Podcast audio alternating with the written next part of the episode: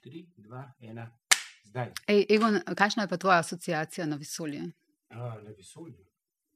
A, Rečemo neskončnost. Okay, hvala.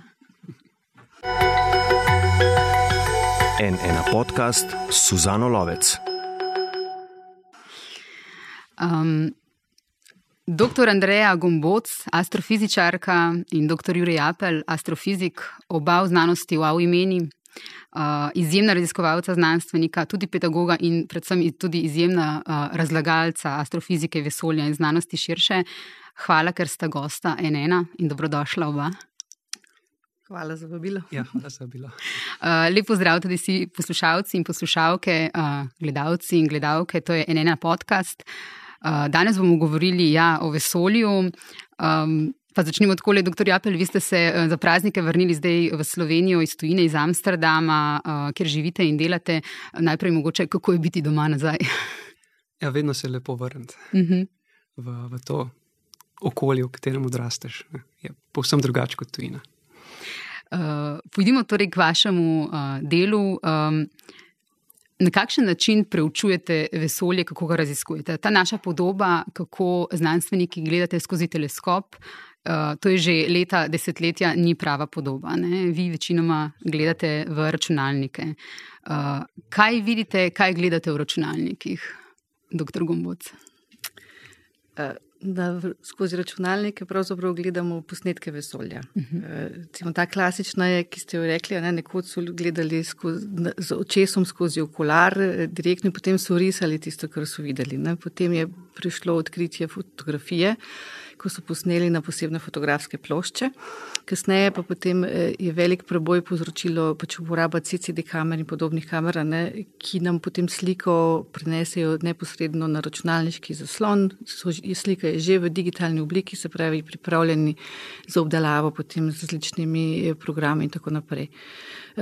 To je ta klasična, se pravi, recimo, vidna svetloba. Če opazujemo vidni svetlobi, potem imamo pa danes seveda na razpolago detektorje za vse vrste svetlobe, če tako rečemo, za elektromagnetno valovanje z različnimi valovnimi dolžinami, od gama svetlobe do radijske svetlobe. In te, ta svetloba, ki je našim očem nevidna, to potem zaznajo detektori in nam potem prikažejo v neki drugi obliki. Lahko so to stolpci in vrstice številk, lahko je pa to nek posnetek, ki ga sestavijo potem, naprimer iz radijskih teleskopov, lahko sestavimo neko eh, sliko, kot je bila recimo ta prva, eh, prvi posnetek eh, neposredno okolice Črne luknje v galaksiji M87 in potem kasneje zdaj tudi v naši galaksiji. Zdaj gledamo različne stvari, od zvest, galaksij, bližino črnih lukenj, tudi neke delce, kozmične delce dobivamo iz vesolja. In pa recimo tudi zdaj imamo detektorje za gravitacijske valove. Um, uh, doktor Apel, kakšne podatke vi pregledujete in v kakšni obliki so, nekaj smo zdaj že slišali, koliko je teh podatkov, uh, kakšnem obsegu, da si lahko malo gledalci in gledalke, poslušalci in poslušalke predstavljajo. Uh, kolikšen del uh, vašega recimo, preučevanja so slike, kot je uh, dr. Gomboc rekla, kolikšen del pa kaj? um, ja, v astronomiji vedno govorimo o slikah, tako um, da vsi podatki pridejo načeloma iz tega, potem pa iz slik um, izmerimo različne stvari. Um, in potem tisto še naprej uh, matramo, dokler ne pridemo do kakšnega lepega rezultata. Um, ja, in včasih je dovolj ena slika uh -huh. za, za super odkritje. Um, recimo, če kakšna stvar na nebu eksplodira in um, imaš srečo, da to ob tem pravem trenutku posnameš, potem si zadev terno. Včasih je pa treba ogromno podatkov. Um, In potem je razlika tudi v tem, ali proučuješ en objekt, uh mhm. -huh. eno zvezdo, eno supernovo, eno galaksijo, ali pa te bolj zanima nekakšna celotna populacija zvezd in galaksij. V tem primeru imamo pa um, velike preglede neba, um, teleskope, satelite, ki več let ne prestano skenirajo in gledajo nebo in v tem primeru je pa ogromno, ogromno podatkov, in, um, in to potem tudi vpliva na to, kako pravzaprav um, obdelujemo podatke, kako, kako v bistvu delamo kaj, kaj je naše delo. Zdaj, če, če imaš ti eno sliko, potem se ji lahko posvetiš. Um, če imaš ti na tisoče, na milijone slik, potem tega ne moreš narediti sam, ampak se moraš zanesti na nek algoritem. Um, ja. Um, raziskovanje vesolja, ki je pač zelo širok pojem, ampak eh, kateri so po, vajnem, po vašem izboru trenutno najbolj aktualni dosežki, oziroma najpomembnejši dosežki dognanja zadnjih let? Kaj je tisto, uh, kar bi recimo vidva izpostavila? Jaz bi gotovo izpostavila to posnetek eh, neposredne okolice Črne luknje, oziroma senco Črne luknje, recimo tudi naši galaksiji, ki smo jo videli letos prvič. Uh, potem neposredna detekcija gravitacijskih valov leta 2015 in potem kasneje še več teh. Zdaj so pravzaprav ta opazovanja postala nekakšna rutina ne, teh observatorijev. Potem gotovo so ena pomembnih tem tudi. Um, eksoplaneti, sprej planeti, ki se gibljajo okrog drugih sonc in jih zdaj poznamo že nekaj tisoč, se pravi, tukaj se stvari dnevno premikajo naprej. Eh, potem se pa zdi, da so eh, tudi zelo tako področje, ki se hitro razvija v astrofiziki, so ti astrofizikalni tranzienti, s katerimi se prav mi dva z Juretom veliko ukvarjava. Pravi, to so vsi pojavi, ki se nekako zgodijo na nebu, nekaj se zasveti, nekaj eksplozija, nekaj sprememba in potem s časoma zbledi, ugasne, pač mi ne zaznamo več. Ne? In to so lahko neke katastrofalne eksplozije zvezd, supernove, izbruhi sevanja gama, lahko je zvezda, ki, v bližino, ki pride v bližino črne luknje in jo ta raztrga, lahko so pa tudi samo neke ponavljajoče se eh, spremembe, neke spremenljive zvezde, ki se jim si močno poveča, pa potem spet uh, ugasne. Tako da tu je, sigurno je pa tudi seveda. Zelo pomembno področje raziskav se pa dotika temne snovi in temne energije, teh dveh skrivnosti, nerešenih, ki se dotikajo ne samo pač vesolja in astrofizike, ampak nasploh eh, fizike. Eh, sem hotela malo kasneje k temu priti, ampak če smo že pri tem, okay, kaj, kaj sta te dve stvari, oziroma česa ne vemo, kaj pa vemo. Ja, temno snov vemo, recimo, tako približno 5 odstotkov mase oziroma energije vesolja predstavlja ta vidna snov, običajna snov, iz katere so zvezde, planeti, eh, plin in prah v galaksijah. Potem pa imamo približno 25 odstotkov eh, mase oziroma energije v obliki neke nevidne snovi, ki rečemo temna snov. Eh, in vemo pa, da ta snov obstaja, ker eh, deluje svojo gravitacijsko silo na vidno snov, se pravi na zvezde. Na to, kako se gibljajo zvezde, recimo okrog središča galaksije, ali pa kako se gibljajo galaksije v združbah v jatrah galaksij. In te snovi je približno petkrat več kot te običajne, to, kar vidimo. Potem pa obstaja še nekaj, kar povzroča, da se vesolje širi vedno hitreje. Okay. in to, temu, to nekaj predstavlja 70 odstotkov energije vesolja in temu rečemo temna energija, ampak eh, nimamo pojma, eh, kaj to je. Uh -huh. uh, zakaj se vesolje širi vedno hitreje? Zakaj, je, zakaj se pospešeno širi? Uh, je, kot sem že prej govorila z vami, ko so prej zunaj govorila, um, marsikatero vprašanje, ki ga kot laik ali pa kot novinar uh, zastavljam, ga zastavljam na ravni štiriletnika, ker pač uh, verjetno ga drugače mi laiki niti ne moremo zastaviti. Uh, tako da, če se vam bo zdelo kakšna stvar, nenavadno vprašanje, mi kar povejte. Uh, zakaj se vesolje pospešeno širi? Um, mislim, da nihče ne zna odgovoriti na to vprašanje. um, mi smo opazovalci um, vesolja in opazovanja, vsaj trenutno tako kaže. Um, pač kažejo na to, da se vesolje širi pospešeno. Um, zdaj, zakaj je to, tega ne vemo. Um, in kot je Andreja rekla, um, zato ker se širi pospešeno, um, smo morali tudi popraviti modele, Um, zato smo pač noter dotaknili nekaj, če moramo pravimo temna energija, kar je pač karkoli že pač je. Neka številka. Neka številka, ja. samo zato, da enačbe delajo. um, ja, in um, ja, zaenkrat je to popolna skrivnost. Uh mhm. -huh. no, te skrivnosti so verjetno e, tista stvar, ki nam vsem vesolje dela kot eno, za eno od stvari, ki se nam zdi, wow, ki se nam zdi čarobna. Um, se tudi vam znanstvenikom, ki se znanstveno ukvarjate s preučevanjem vesolja, z raziskovanjem, opisali ste, na kak način to počnete. Je, to še vedno nekaj čarobnega, eh, da ne rečem romantičnega, ampak nekaj s tem mm, wow učinkom? Ali vi na to vseeno gledate drugače kot mi lajki? Um, odvisno od dneva. Zdaj, eh, seveda, ne raziskovanje, pa ne samo vesolje, ampak na splošno večino časa je trpljenje. Yeah. Ja. um, torej, um, uh, Andreja, to poznaš veliko bolj. Um, torej, najprej iskanje denarja, zato da sploh lahko delaš raziskave, um, pa iskanje služb, da lahko sploh da te kdo plača za to, da delaš to.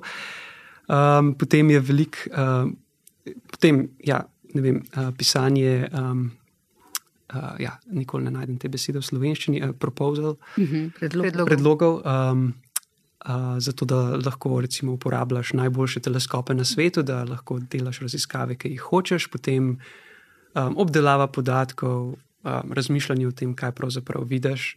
In vsake tok časa potem dejansko odkriješ nekaj, kar je pa čist nekaj novega, kar nihče drug prej ni videl.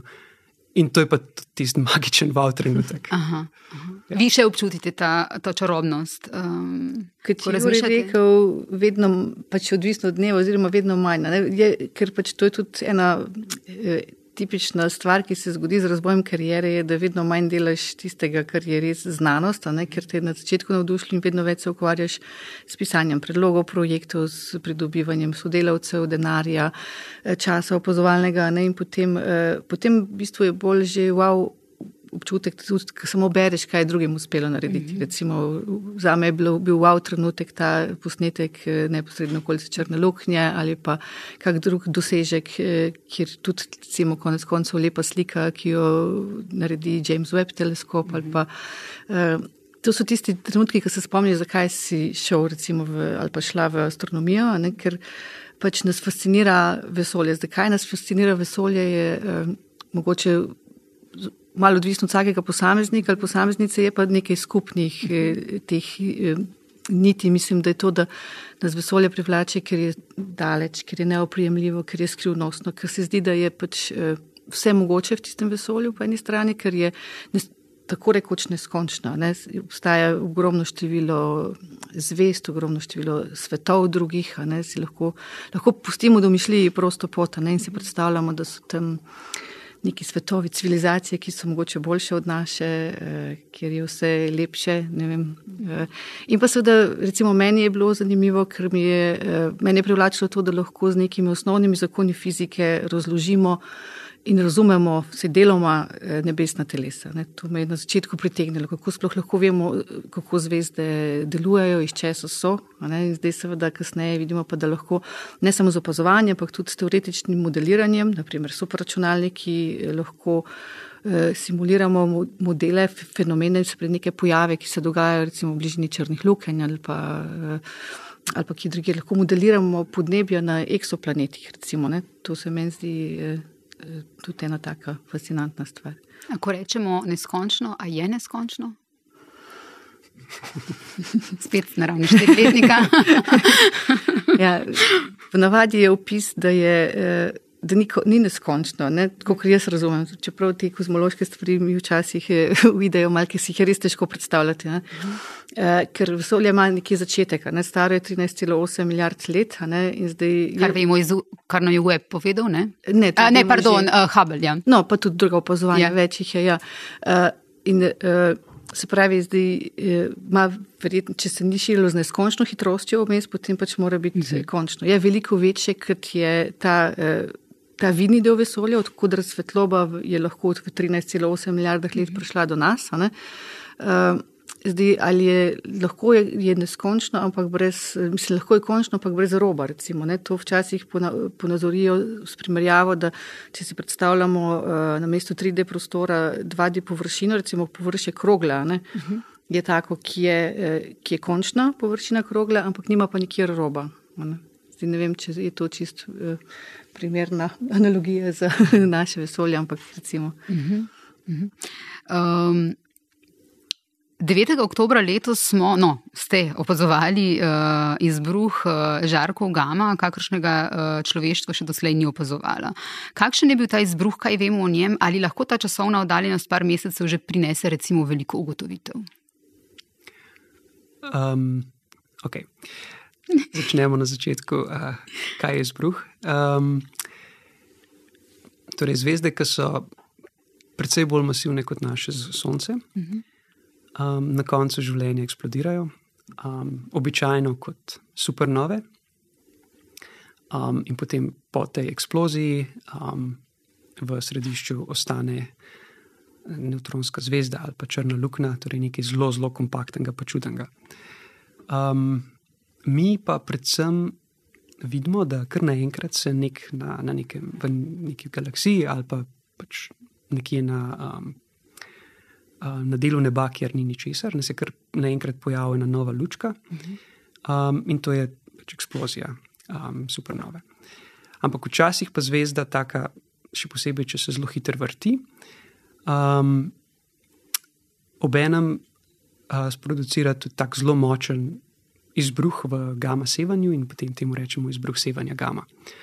Uh, in potem seva tudi v drugih valovnih dolžinah.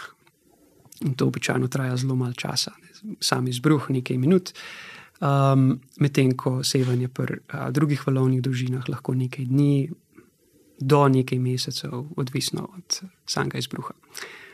Ja, in zdaj ta konkreten izbruh je, je bil mal poseben, zato ker je bil relativno blizu, um, ker še zmeraj pomeni dv, tam okrog, mislim, da je bilo okrog 2 milijardi svetlobnih let, kar je pač nepredstavljivo, um, ampak za kozmologe je to praktično na, uh, nekako na dvorišču.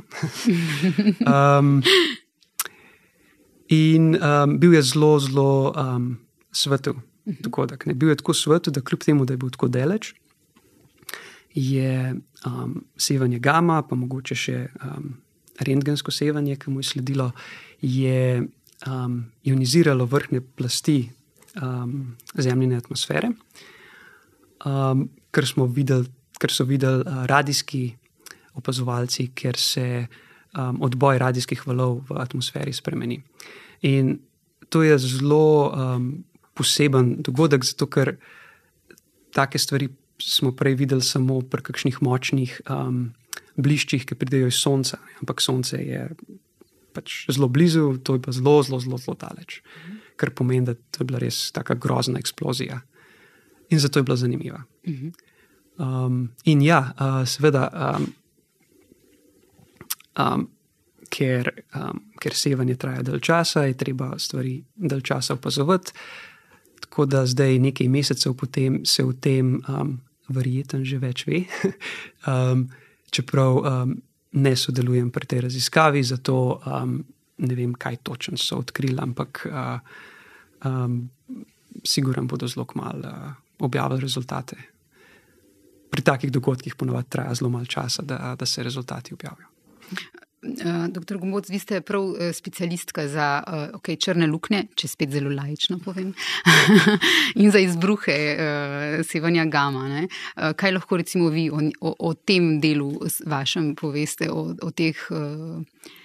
Recimo, kaj takšen dogodek uh, za vas, recimo, ali pa za, za vaše delo pomeni? Ja, Jure je zelo dobro opisal, kaj so to. Uh -huh. Sve, to so izbruhi posameznih zvezd, ki so drugačni kot običajne supernove. In, uh, ne vemo sicer točno, kaj je tisti trigger, kdaj se to zgodi. Kot je rekel, verjetno ima vlogo veliko vrtenje neke zvezde, recimo hitro vrtenje zvezde, ali pa mogoče če v paru še z neko drugo zvezdo. E, ti izbruhi sevanja gama so jih tudi z Juretom e, vrsto let e, tudi skupaj poročevala. Uh, so zanimivi, ker so res zelo močne eksplozije, pravzaprav je najmočnejše znane eksplozije v vesolju. In jih lahko vidimo ne samo do 2 milijard svetlobnih let, imamo tudi take, ki so recimo več kot 10 milijard svetlobnih let da lahko vidimo jih take, ki so se zgodile v zelo zgodnjem vesolju še. In, ta, in recimo v galaksijah, eh, ker tipično se zgodijo v galaksijah, spravi v nekih galaksijah, ki so bile takrat še zelo mlade, ne, eh, malo po nastanku vesolja, in potem te galaksije so ponovadi pre, pretemne, da bi jih opozovali, sploh da bi opozovali recimo njihovo sestavo kemijsko. Ne. Eh, če pa se ta lučka prežge v njih, ne, pa v bistvu ta svetloba potem gre skozi snov tej galaksiji, nekako dobi prstne vtise te, te snovi, ne, preko nekih absorpcijskih črt lahko potem, če s tem opozujemo, ti, dokler ne ugasne ta eksplozija, ne, lahko to svetloba, ki jo gledamo, nam potem skozi te odtise pove, kakšna je sestava teh galaksij. Bila. Recimo, Jure je, bil, je veliko delal ravno na tem, da so uporabljali en poseben spektroskop, X-shooter na zelo velikem teleskopu v, na Evropskem južnem observatoriju, Paranal. Eh, in so pravi, nas zanimajo ti izbruhi, so potem zanimivi zato, ne, ker nam so, so, služijo kot neke kozmološke sonde, nekako v preteklost lahko gledamo ne, na različnih razdaljah, različnih obdobjih razvoja vesolja. Pa tudi čisto zato, ker so res eh, tako močne, ne se pravi, recimo. Ena primerjava povedal, če primerjamo naše sonce pa nuklearno elektrarno Krško, ne, naše sonce v eni sekundi proizvede toliko energije, kot bi nuklearna elektrarna Krško proizvedla v celotni starosti vesolja, če bi delovala. Ne. In podobno je zdaj, če primerjamo sonce in pa izbruh sevanja gama. Ne. Izbruh sevanja gama v eni sekundi producira toliko energije, kot jo bo Sonce v celem svojem eh, življenju, v desetih milijardah let. Ne. Eh, seveda pač izbruh sevanja gama traja zelo kratek čas, ampak eh, nam pa pove, kako silovite eksplozije so to in potem nas to potem eh, seveda zanima, kaj so neki pogoji fizikalni, ekstremni, ki jih na Zemlji ne moremo ustvariti, tako visokih energij, močno gravitacijsko polje, tudi ker je to povezano z črnimi luknjami, neutronskimi zvezdami.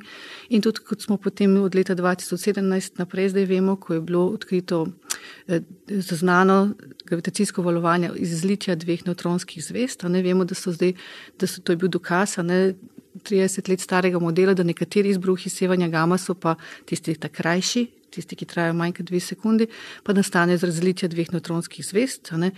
In to je spet eno, eh, en način, eh, en proces v vesolju, ki je eh, spet testira neke ekstremne pogoje, ki jih na Zemlji ne moremo ustvariti, ne, tako moč visokih gostot, recimo, kot so v neutronskih zvezdah. In tudi je zanimivo, ker smo vrsto let, so nas učbeniki učili, ne, da Eh, da so težji elementi v vesolju nastali iz eh, eksplozij supernov. Se pravi, mi vemo, da sta v začetku vesolja nastala samo vodik in heli, mhm. vsi kasnejši elementi, težji od njih, so nastali v zvezdah do železa, potem od železa naprej pa naj bi nastajali v periodnem sistemu. Ne, če gremo od železa naprej, pa naj bi nastajali predvsem v supernovah. In smo vedeli že nekaj časa, da to da supernove ne morejo proizvesti z dosti količine teh elementov. In ta dogodek, recimo 2017, nam je pa dokazal, je bil tudi en tak izjemen, svetel, zelo podrobno opazovan, nam je pa pokazal, da lahko velik del teh elementov nastane ob zlitih neutronskih zvezd. Se pravi, recimo zlato. Ki ga nosimo, mogoče na, v nakitu, je v veliki meri nastalo v takih dogodkih, pa tudi še mnogi drugi eh, elementi. Um, zvezde prve generacije, ste nekoč že pojasnjevali, so bile zelo drugačne kot so potem zvezde naslednjih generacij. Uh, iz dveh elementov, samo. Um, Tako je, samo iz vodika in helija, zdaj čist zaznane še niso bili, vemo pa, da so morale obstajati, ker so pač potem proizvedle prve težje elemente, iz katerih so potem nastale že naslednje generacije zvezd. In še nekaj, kar je recimo zanimivo za nas uh, laike, ne, ali pa kar se nam zdi nenavadno, vedno si predstavljamo v vesolju, da se vse dogaja na izjemno dolge časovne intervale, ampak so pa tudi dogodki, recimo kot ste rekli, ti le izbruhi, ki so lahko pač delček sekunde uh, dolgi pa izjemni. Uh, ali pa mislim, da ste nekoč rekli, um, uh, da lahko črna luknja celotno zvezdo v bistvu raztrga v minuti. Ja, odvisno, kakšna je. Ja. Minut, ali pa v, spravi, res obstaja, ne včasih, uh, mislim. Meni se zdi, ko sem pač študirala, sem imela občutek, da se to vse dogaja na milijone, milijarde. Čim zapustimo v sonče, kjer se pač dogaja, na, recimo na skali, ne vem, pač obhodni časi se merijo v letih, ampak spremembe se dogajajo pa tudi na veliko daljši časovni skali. Ja.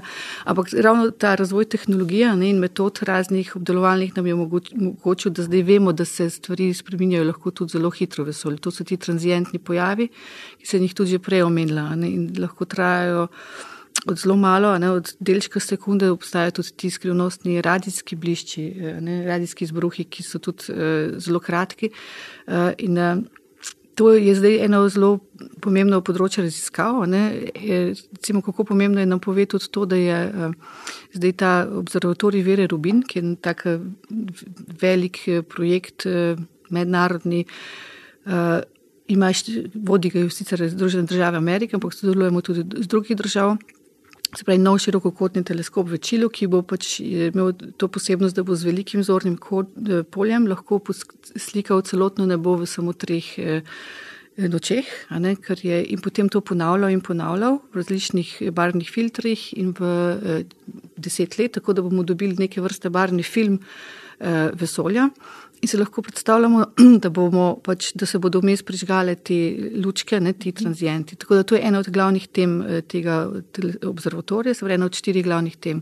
Druge teme so pa še eh, naše osončje, predvsem eh, asteroidi, taki potencijalno, ki bi lahko ogrozili Zemljo.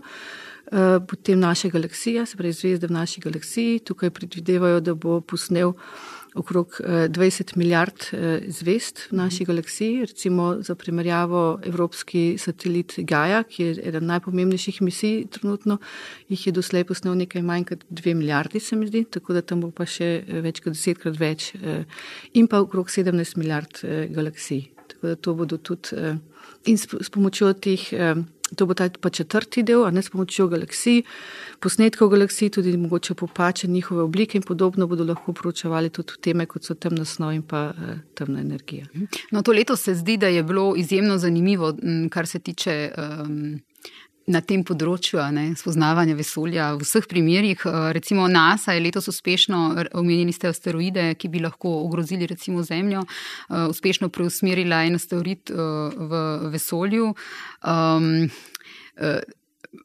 Koliko pa se recimo v znanstveni skupnosti pogovarjate o tej temi, o asteroidih, ki bi lahko potencialno nekoč ogrozili Zemljo? Ker to je mogoče nekaj, kar je za ljudi, ki niso iz znanosti, ena od teh tem, ki je najbolj oprijemljiva. Ne? Obstajajo filmi in filmi in filmi o asteroidih, ki padejo in vsake toliko časa spomnejo, da look up. ja. Um, ja, verjetno je odvisno od tega s čim se ukvarjaš. Ne? Ker um, tudi znanstveniki smo. Vsak obdeluje pač svoj mečken vrtiček mm. ne, in, in nima časa, da bi kaj dosti gledal um, k sosedom. um, ampak ja, obstaja velika znanstvena skupnost, ki se ukvarja s proučevanjem asteroidov. Um, ne samo zato, ker bi bili lahko mm. nekateri potencialno nevarni. Um, seveda, to je tisti del, ki je um, mogoče za javnost najbolj pomemben, mm. dejansko pomemben, ne tako kot drugi deli astrofizike. Um, ampak um, zdaj, asteroidi so zanimivi tudi zato, ker so pravzaprav bolj ali manj nespremenjeni ostanki iz časa, ko je nastalo naše osončje. Mhm. Um, zdaj, preden smo imeli naše osončje, je, je bil pač v vesolju velik oblak plina. Ki je padel skupaj, in takrat je nastal, en, nastalo mlado sonce in okrog njega nek disk snovi. Um, in v neki milijonih let je ta disk snovi, uh, so se delci zlepili skupaj in so zgradili planete, um, asteroide, komete, torej vse, kar danes vidimo v, v Sončju. In na planetih se dogaja ogromno stvari, če pogledamo samo Zemljo. Um, um, je um, skozi skoz čas je bilo ogromen. Um, geoloških aktiv, geološke aktivnosti, um, pa potem na Zemlji, ker imamo še atmosfero. Um, um, je tudi atmosfera spremenila um, površje, tako da je v bistvu ta zgodovina pokopana um, in izgubljena. Asteroidi so pa še vedno taki, kot je bilo v Sončju pred. Um, ko je bilo staro nekaj milijonov let, zdaj je staro, recimo, 4,5 malo več um, milijard let. In iz teh asteroidov se potem lahko naučimo, kakšni pogoji so vladali, um, ko je bilo osončje zelo mlado. Um, in to nam pomaga razumeti, kako je vse skupaj nastalo. Mhm. To je tudi tako vprašanje, kot recimo, kako je z vodo na Zemlji. Ali je prišla z asteroidi, ali je, ali je prišla iz vulkanskih izbruhov in podobno. To je, kot je rekel Jure, to je cela posebna veja, eh, podveja recimo v astronomiji ali pa planetologiji že. Ki se ukvarja z storili s temi raznimi, kakšna je sestava, kemične izotopi. To so razni modeli, ki jih potem izveč ne razumem prav dobro. Um, no, sej, to, sem, to mogoče, če razčistimo, enkrat ste to že pojasnjevali, ta razlika med astronomijo, astrofiziko in kozmologijo. Uh, mislim, da ste vi enkrat to pojasnili ja, dobro, to, to v intervjuju za mladino. ja, to je tako uh, čudno, ker so različna predstava. Uh -huh. uh, jaz sem dolgo tudi mislila, da je pač astronomija.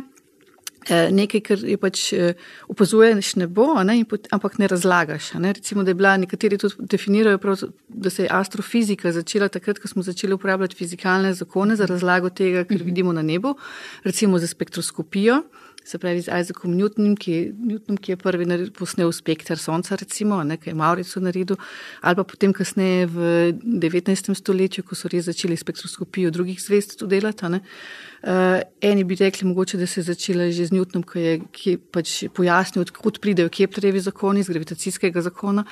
Uh, in potem smatrajo, kot, sprej, da je astrofizika nekako to, kar počnemo zdaj, ne samo opazujemo, ampak tudi, ali pa da tudi uporabljamo recimo neke naprave, ki zahtevajo veliko fizike, fizikalnega znanja. Eh, potem eh, Potem pa, recimo, če pa pogledamo slovar eh, angliški, oksfordski, recimo, pa piše tam, da je astronomija pravzaprav vse, kar se je najširši pojem, kar se, se vse, kar je zvezi z vesoljem, ne proučevanje vesolja. Astrofizika je pa podzvrst, se pravi pa tisti del astronomije, ki se ukvarja z fiziko zvest, ne, astro pomeni zvezda. Kozmologija je pa tisti del, ki se ukvarja, pač seveda to se pa nekako vsi strinjamo, da to spada v astrofiziko, je to v bistvu nekako že na, nekje vmes med astrofiziko in fiziko in osnovno fiziko tudi, ne fiziko osnovnih delcev.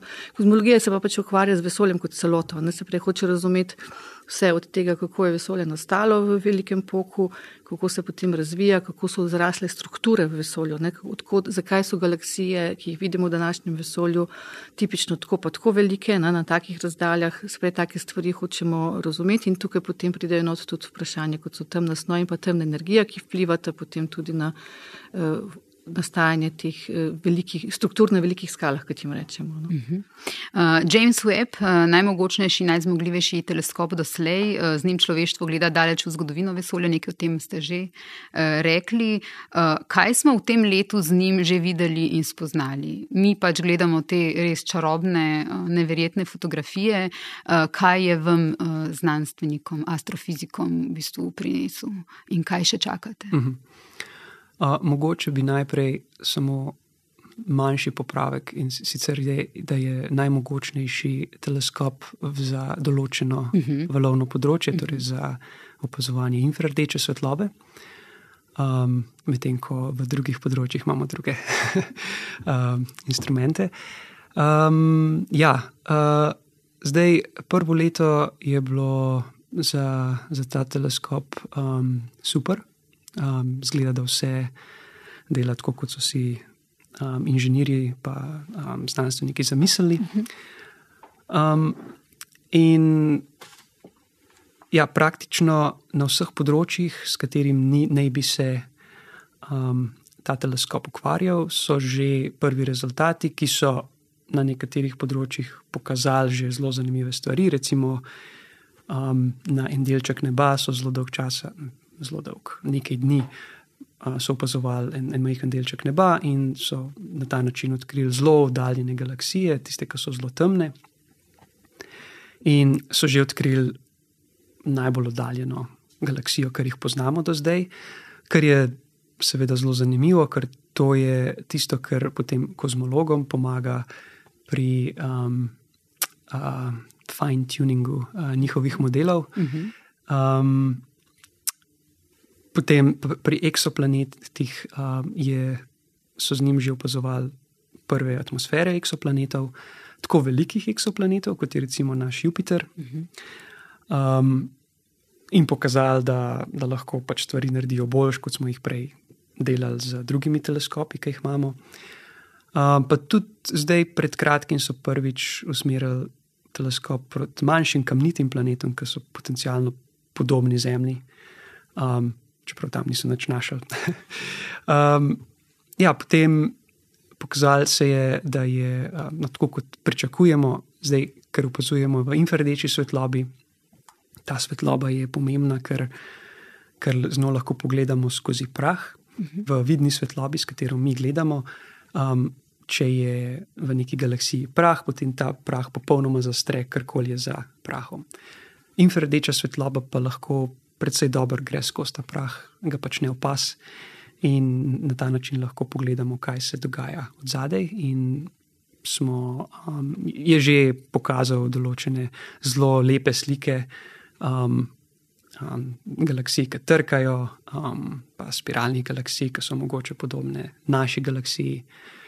Um, ja, videli smo tudi uh, zanimive slike um, Jupitra, pa Neptuna, ali Urana, ali mogoče celo obo, obeh, zdaj se ne spomnim.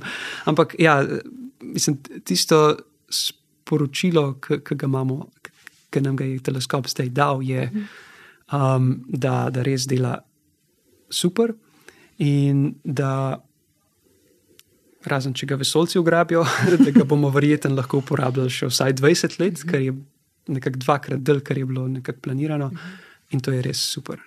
Uh, Dr. Maruša Bradač, uh, slovenka, astrofizičarka, um, je v bistvu sodelovala na razvoju tega uh, teleskopa. Uh, smo tudi naredili en poglobljen, v katerem je sodelovala.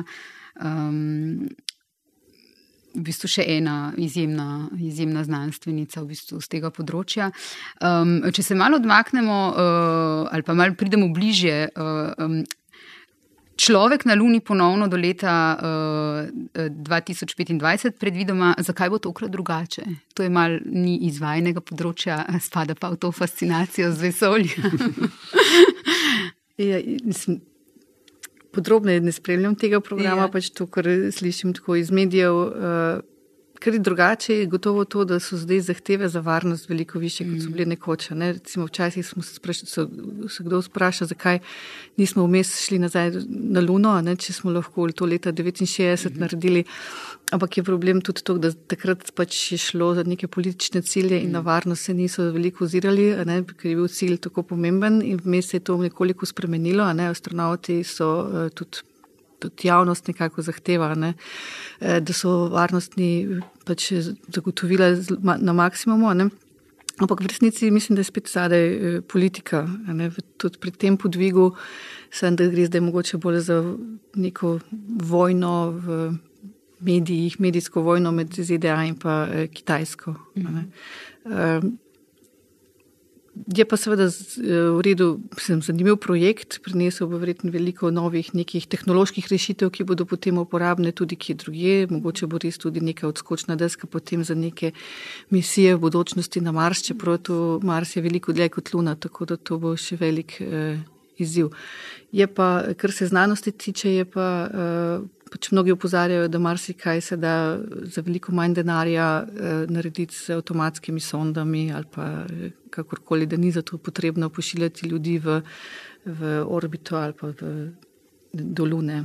Eh, ker pač pošiljanje ljudi je vedno zelo drago. Eh, zelo veliko bolj kompleksni problemi so ne? in potem uh mhm. -huh. tudi varnostne zahteve. Uh mhm. -huh. In isto verjetno velja za misijo na Mars, kjer naj bi človek recimo nekje do leta 2050 recimo bil.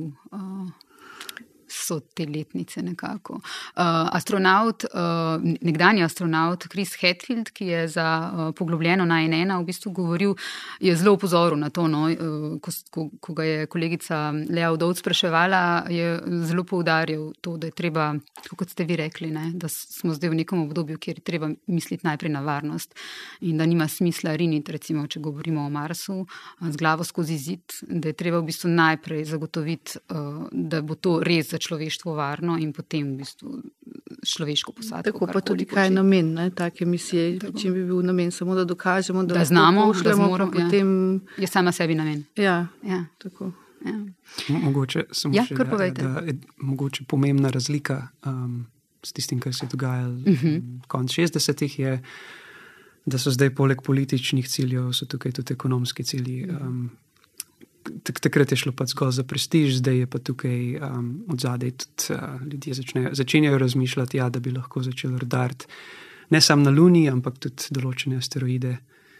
Um, in seveda to je tudi posledica tega, da so um, da vesolje ni več domena zgolj agencij ali pa drž močnih držav, ampak tudi podjetij. Ja. Govorimo o komercializaciji Ja. vesolja, ja.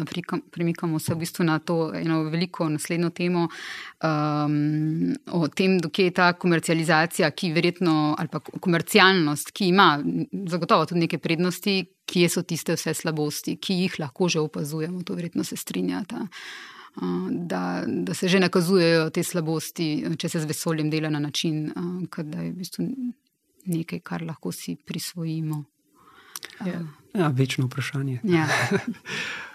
Eh, tisto, kar je velik problem za astronomijo, pa mislim ne samo za to optično, se pravi vidno svetlobo, ampak tudi radijsko in mislim, da bo tudi časoma postalo, tudi se bojim, da bo problem tudi za širše človeštvo, so seveda te mega konstelacije satelitov, uh -huh. ki jih pač eh, zdaj zaenkrat sicer pošiljajo gor privatna podjetja v mhm. velikih uh -huh. količinah, naprimer eh, SpaceX, ne, ta mega konstelacija Starlink. Uh, so pa seveda tudi na črtu druge in mislim, da tudi Kitajska ima načrt za svojo tako megakonstelaciju, potem tudi Evropska unija zdaj razmišlja o podobnih.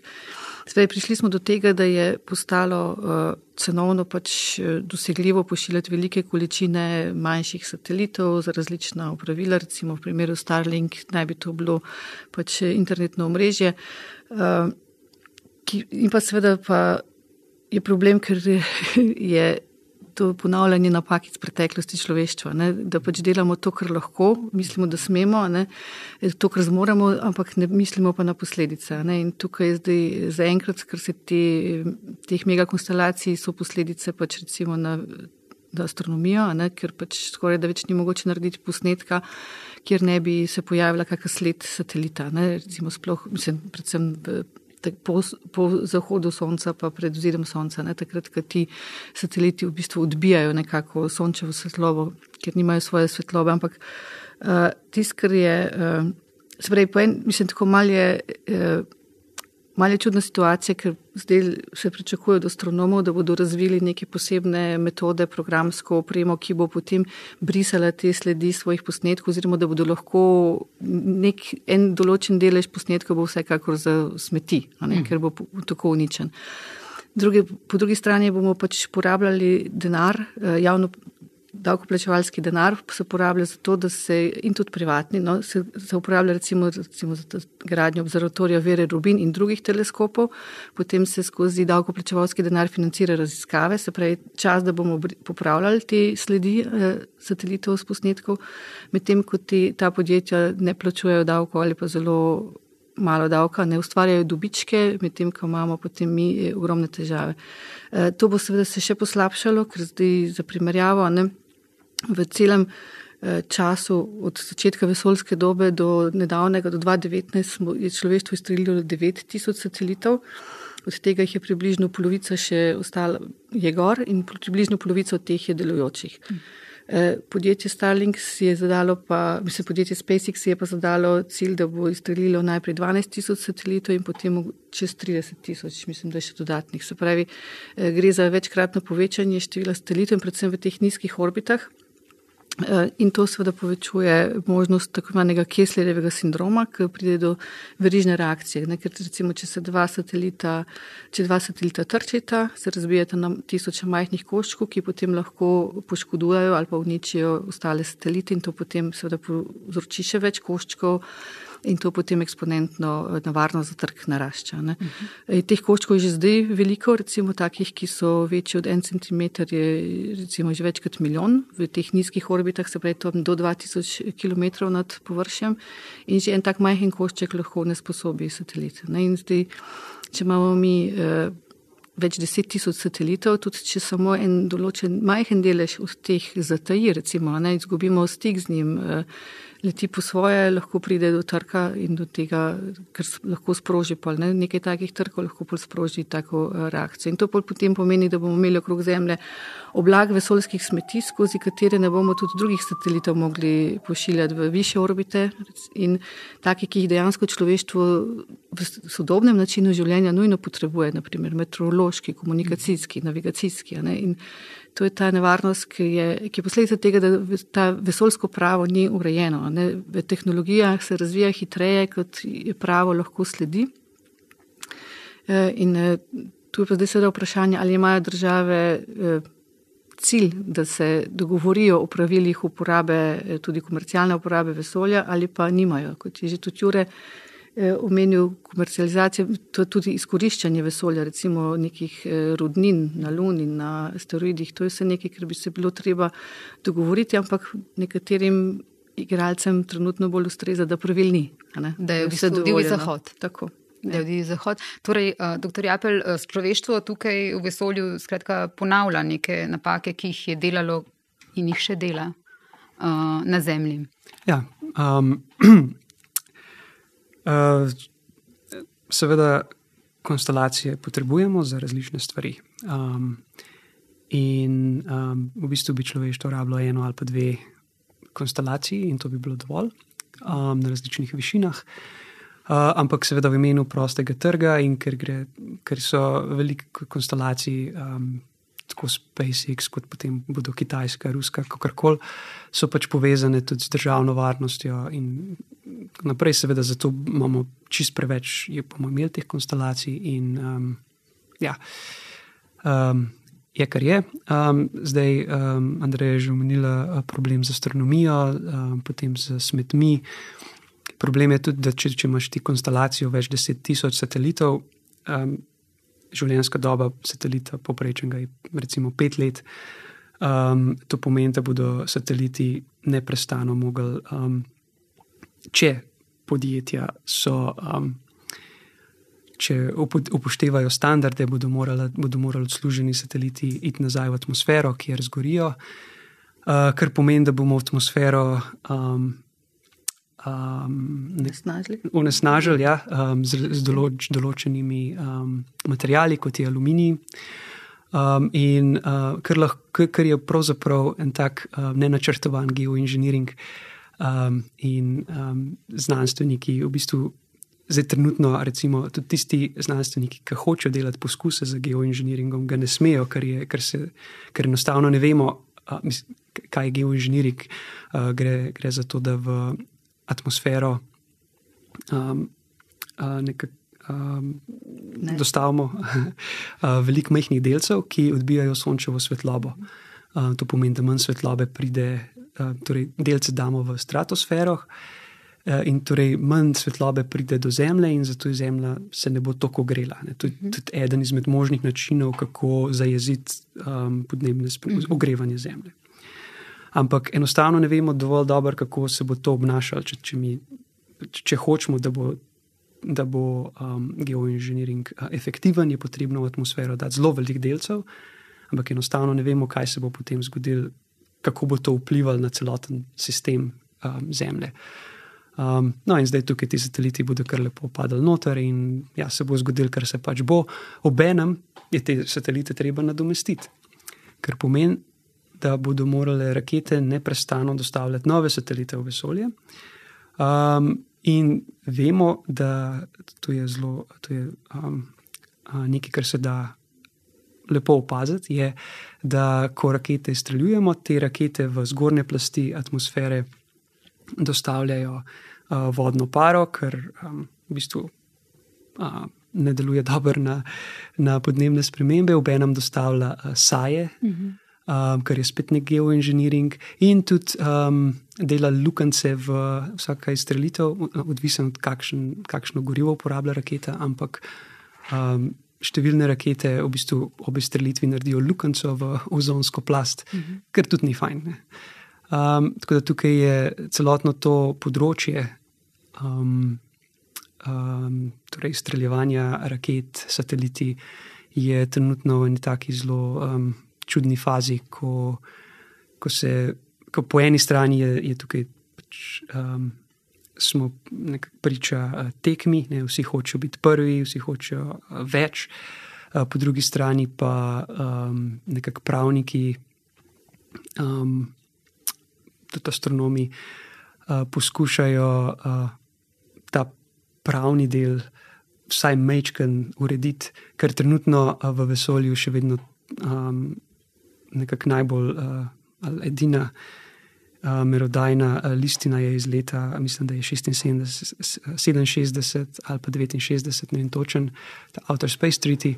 Um, in to je še vedno edina stvar, ki jo imamo, po kateri naj bi se, naj bi se uh, države uh, zgledovale, ne? ampak to je nekako zdaj ni več.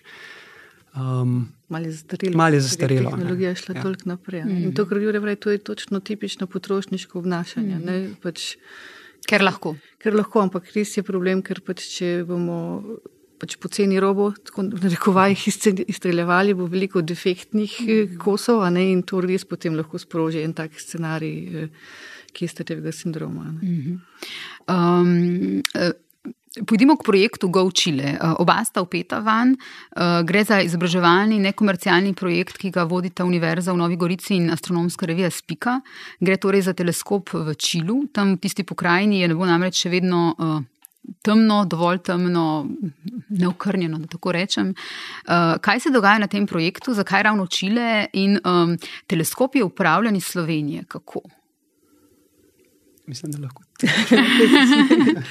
Razvej, to je ena ideja, ki je pač eh, zrasla eh, na mojem zelniku in na zelniku Mateja Mihelčiča, se pravi eh, sodelavca revije Spika.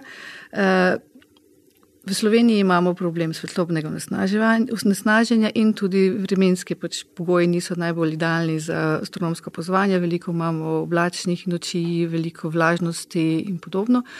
Eh, In danes, mislim, ne samo danes, že približno 20 let tehnologija omogoča, da lahko teleskope krmilimo eh, nadaljavo. Oziroma, da so celo tako, da, so, da lahko sami, tako kot smo z Juretom veliko opazovali s teleskopom, z Liv- teleskopom Liverpool na La Palme, ki je popolnoma avtonomen in eh, robotski, se pravi, lahko tudi ti manjši teleskopi, danes ni več ni noben problem jih narediti, pač, da so upravljani nadaljavo. In zakaj ne bi šli v Čile? Tam pač obstaja observatorij, ki je komercialen, v smislu, da lahko najameš steber, na katerega postaviš svojo opremo.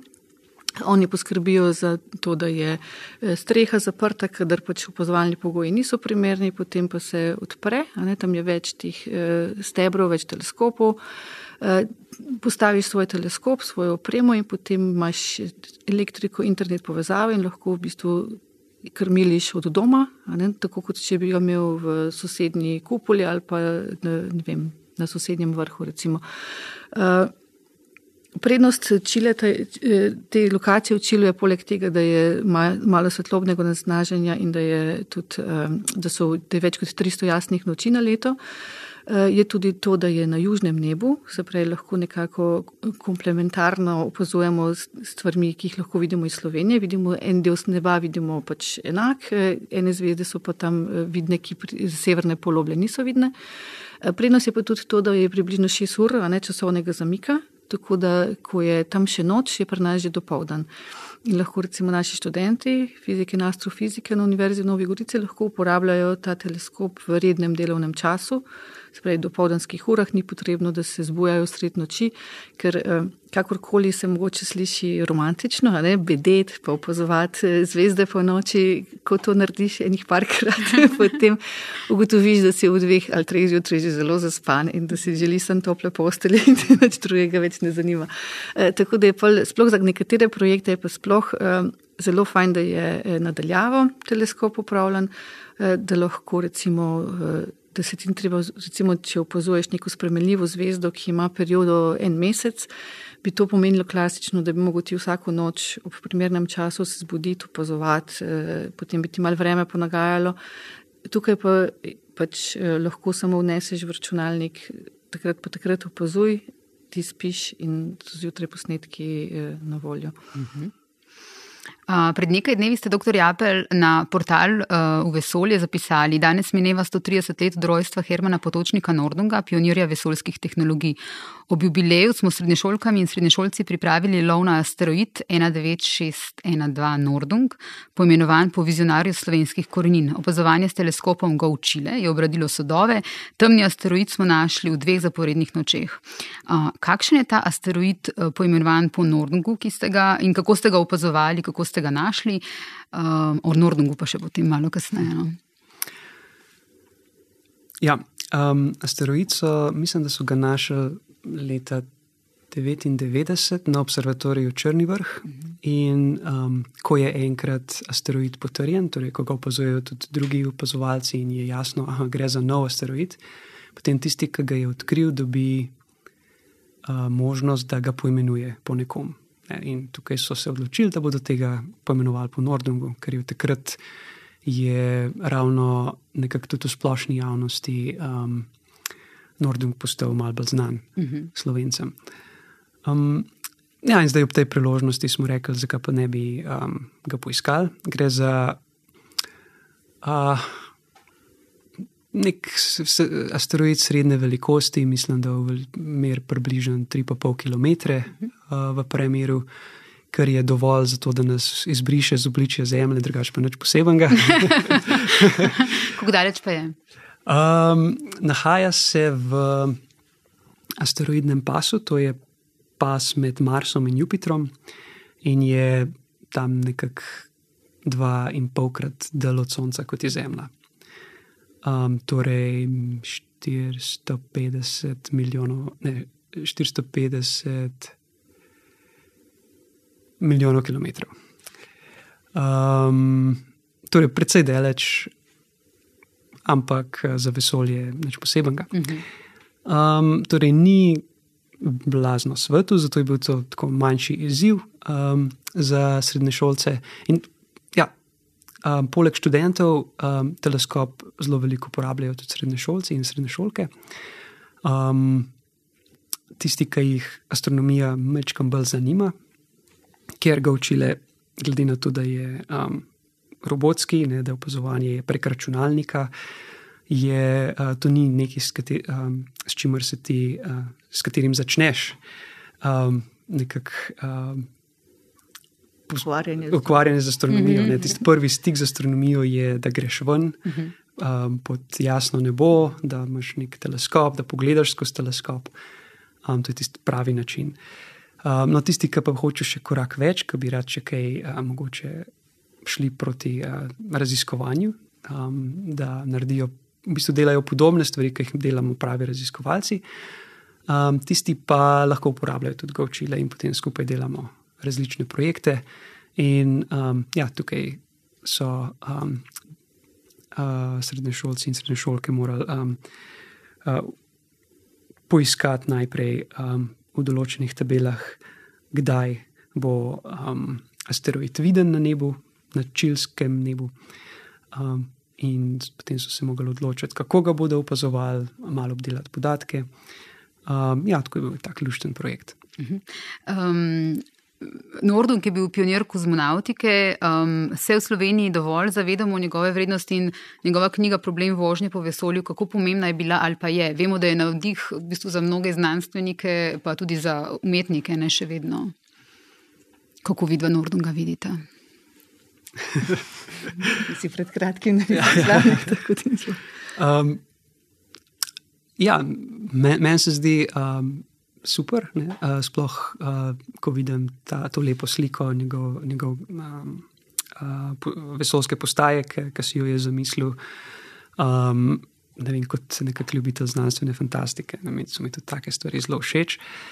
Um, in uh, ja, knjiga, se, ravno um, pred dnevi smo z Andrejo um, nekako ugotavljali, da je to ena izmed tistih knjig, o kateri zdaj vsi veliko vemo, pa jo noben ni prebral. Smo um, prelistali. ja. um, ampak dejansko je bila vplivna, ker so jo citirali, citirala velika imena um, um, astronautike, um, kot, kot je bil um, uh, Van Braun in um, uh, Arthur C. Clarke torej v svojih uh, člankih so, so pač to delo citirali. Torej so, je, je dejansko služila kot navdih za, um, za potem naslednje korake v, v, v astronautiki. Um, In ja, ni še veliko stvari, ja, in, in, realiziranih, ja, ja, teh njegovih idej. Ja. Zanimivo je, da ja, veliko stvari je realiziranih, um, velikih še ni. Um, in dejansko je to ena knjiga, ki se je pojavila v času, ko se je uh, raketna tehnologija še začela mm. izpostavljati. Um, dve leti prej je um, uh, Godar, američan, um, izstrelil prvo raketo na tekoče gorivo. Ne, tako da to je bilo res, tako kot danes, če bi znanstvenik.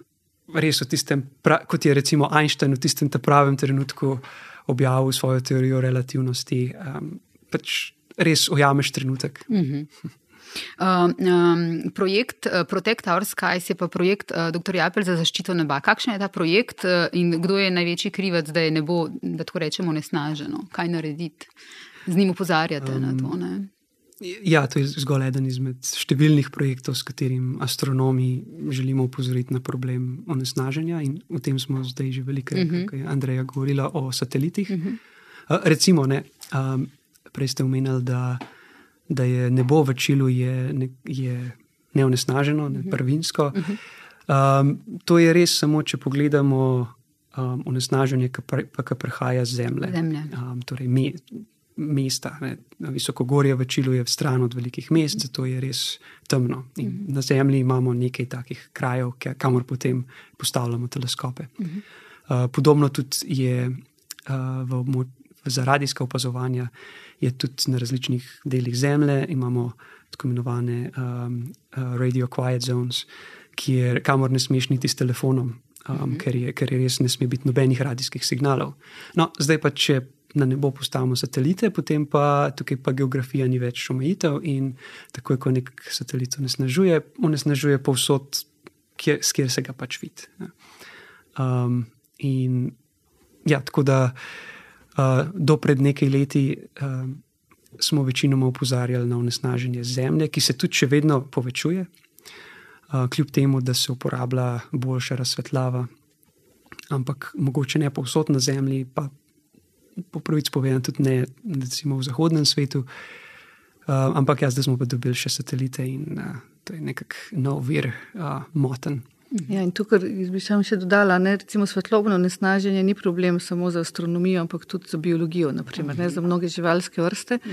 Tukaj je mogoče astronomija še na dobri strani, ker takrat, ko bomo enkrat ugasnili luči, se bodo zvezde spet pokazale, medtem ko za živali to bo prepozno. Ne, ja, bo prepozno Kar se pa teh uh, satelitov tiče, je pa tako, da motijo astronomijo, kot smo rekli. Ne, okay, pol, če enkrat človeštvo zmanjka energije ali karkoli bomo že naredili sami sabo, ne, eh, pač ti sateliti bodo slejka prej v nekaj desetih letih popadali dol, ti, ki so v teh nižjih eh, orbitah. Ne, in bo spet eh, problem na ta način rešen. Vmes, ki ga bomo poskušali reševati sami, mogoče bo pa zelo draka, ne, ker ga zdaj samo še poslabšujemo v resnici, ne prijem sploh imamo rešitve. Ne. Bolje mogoče tudi eh, zapovedati tudi ta škoda, ki jo človeštvo ima čisto tako na neki, ne vem kako bi to rekla, duhovni, čustveni eh, ravni. Ne? Ker pač to, da mi. Pač to je neka naravna dediščina človeštva, da mi lahko gremo zvečer nekaj daleč od mest, ven vidimo zvezde, vidimo rimsko cesto, uh, imamo ta en občutek, ne stik z ne vem, nekim neskončnostjo, s temi nekimi, da začnemo razmišljati, ne? vsa ta fascinacija, ki smo jo prej omenjali. Ne? Tega zdaj ne bo, uh, teh satelitov, tega ne bo nikjer. Na nobenem koščku Zemlje se ne bo dalo skriti pred temi megakonstelacij. In to je ena velika škoda, ne, ker dejansko, ko enkrat vidiš ne, te satelite, kako vrčijo gor, se počutiš kot v kakšnem znanstveno-fantastičnem filmu. Ne, ni več tega, tega stika pristnega z naravo. Nekako. Ti sateliti so kot da. Um, v bistvu se uh, s, s temi megakonstelacij se um, si okrog zemlje, si nekako gradimo kletko. Um, in uh, ja, to je nekako tisti ultimativen uh, distopija, ki se popolnoma, popolnoma se zapreš. In kot smo že rekli. Človeštvo ponavlja napake, ki, ki jih je iste napake, ki jih je naredilo na Zemlji, ki jih še vedno dela na Zemlji, uh, zdaj pač izvaža to v vesolje. Uh -huh. ja. um, Če gremo k še eni od teh fascinacij, zaradi česar je vesolje člo, člo, ljudem odvedno pač fascinantno ali pa ta wow efekt nekaj čarobnega, je to uh, iskanje življenja v vesolju. Kje ga iskati, ali ono išče nas. Uh, prej smo nekaj govorili o tem, zakaj si ga predstavljamo, to življenje, a ne tako po človeški podobi, oziroma zakaj si ga vedno predstavljamo, da je tako, kot je na Zemlji. Um, koliko razmišljate, recimo, vi, astrofiziki, tudi o tem, to sicer ni vaša tema neposredno, ampak uh, ali se o tem tudi sprašujete pogosto?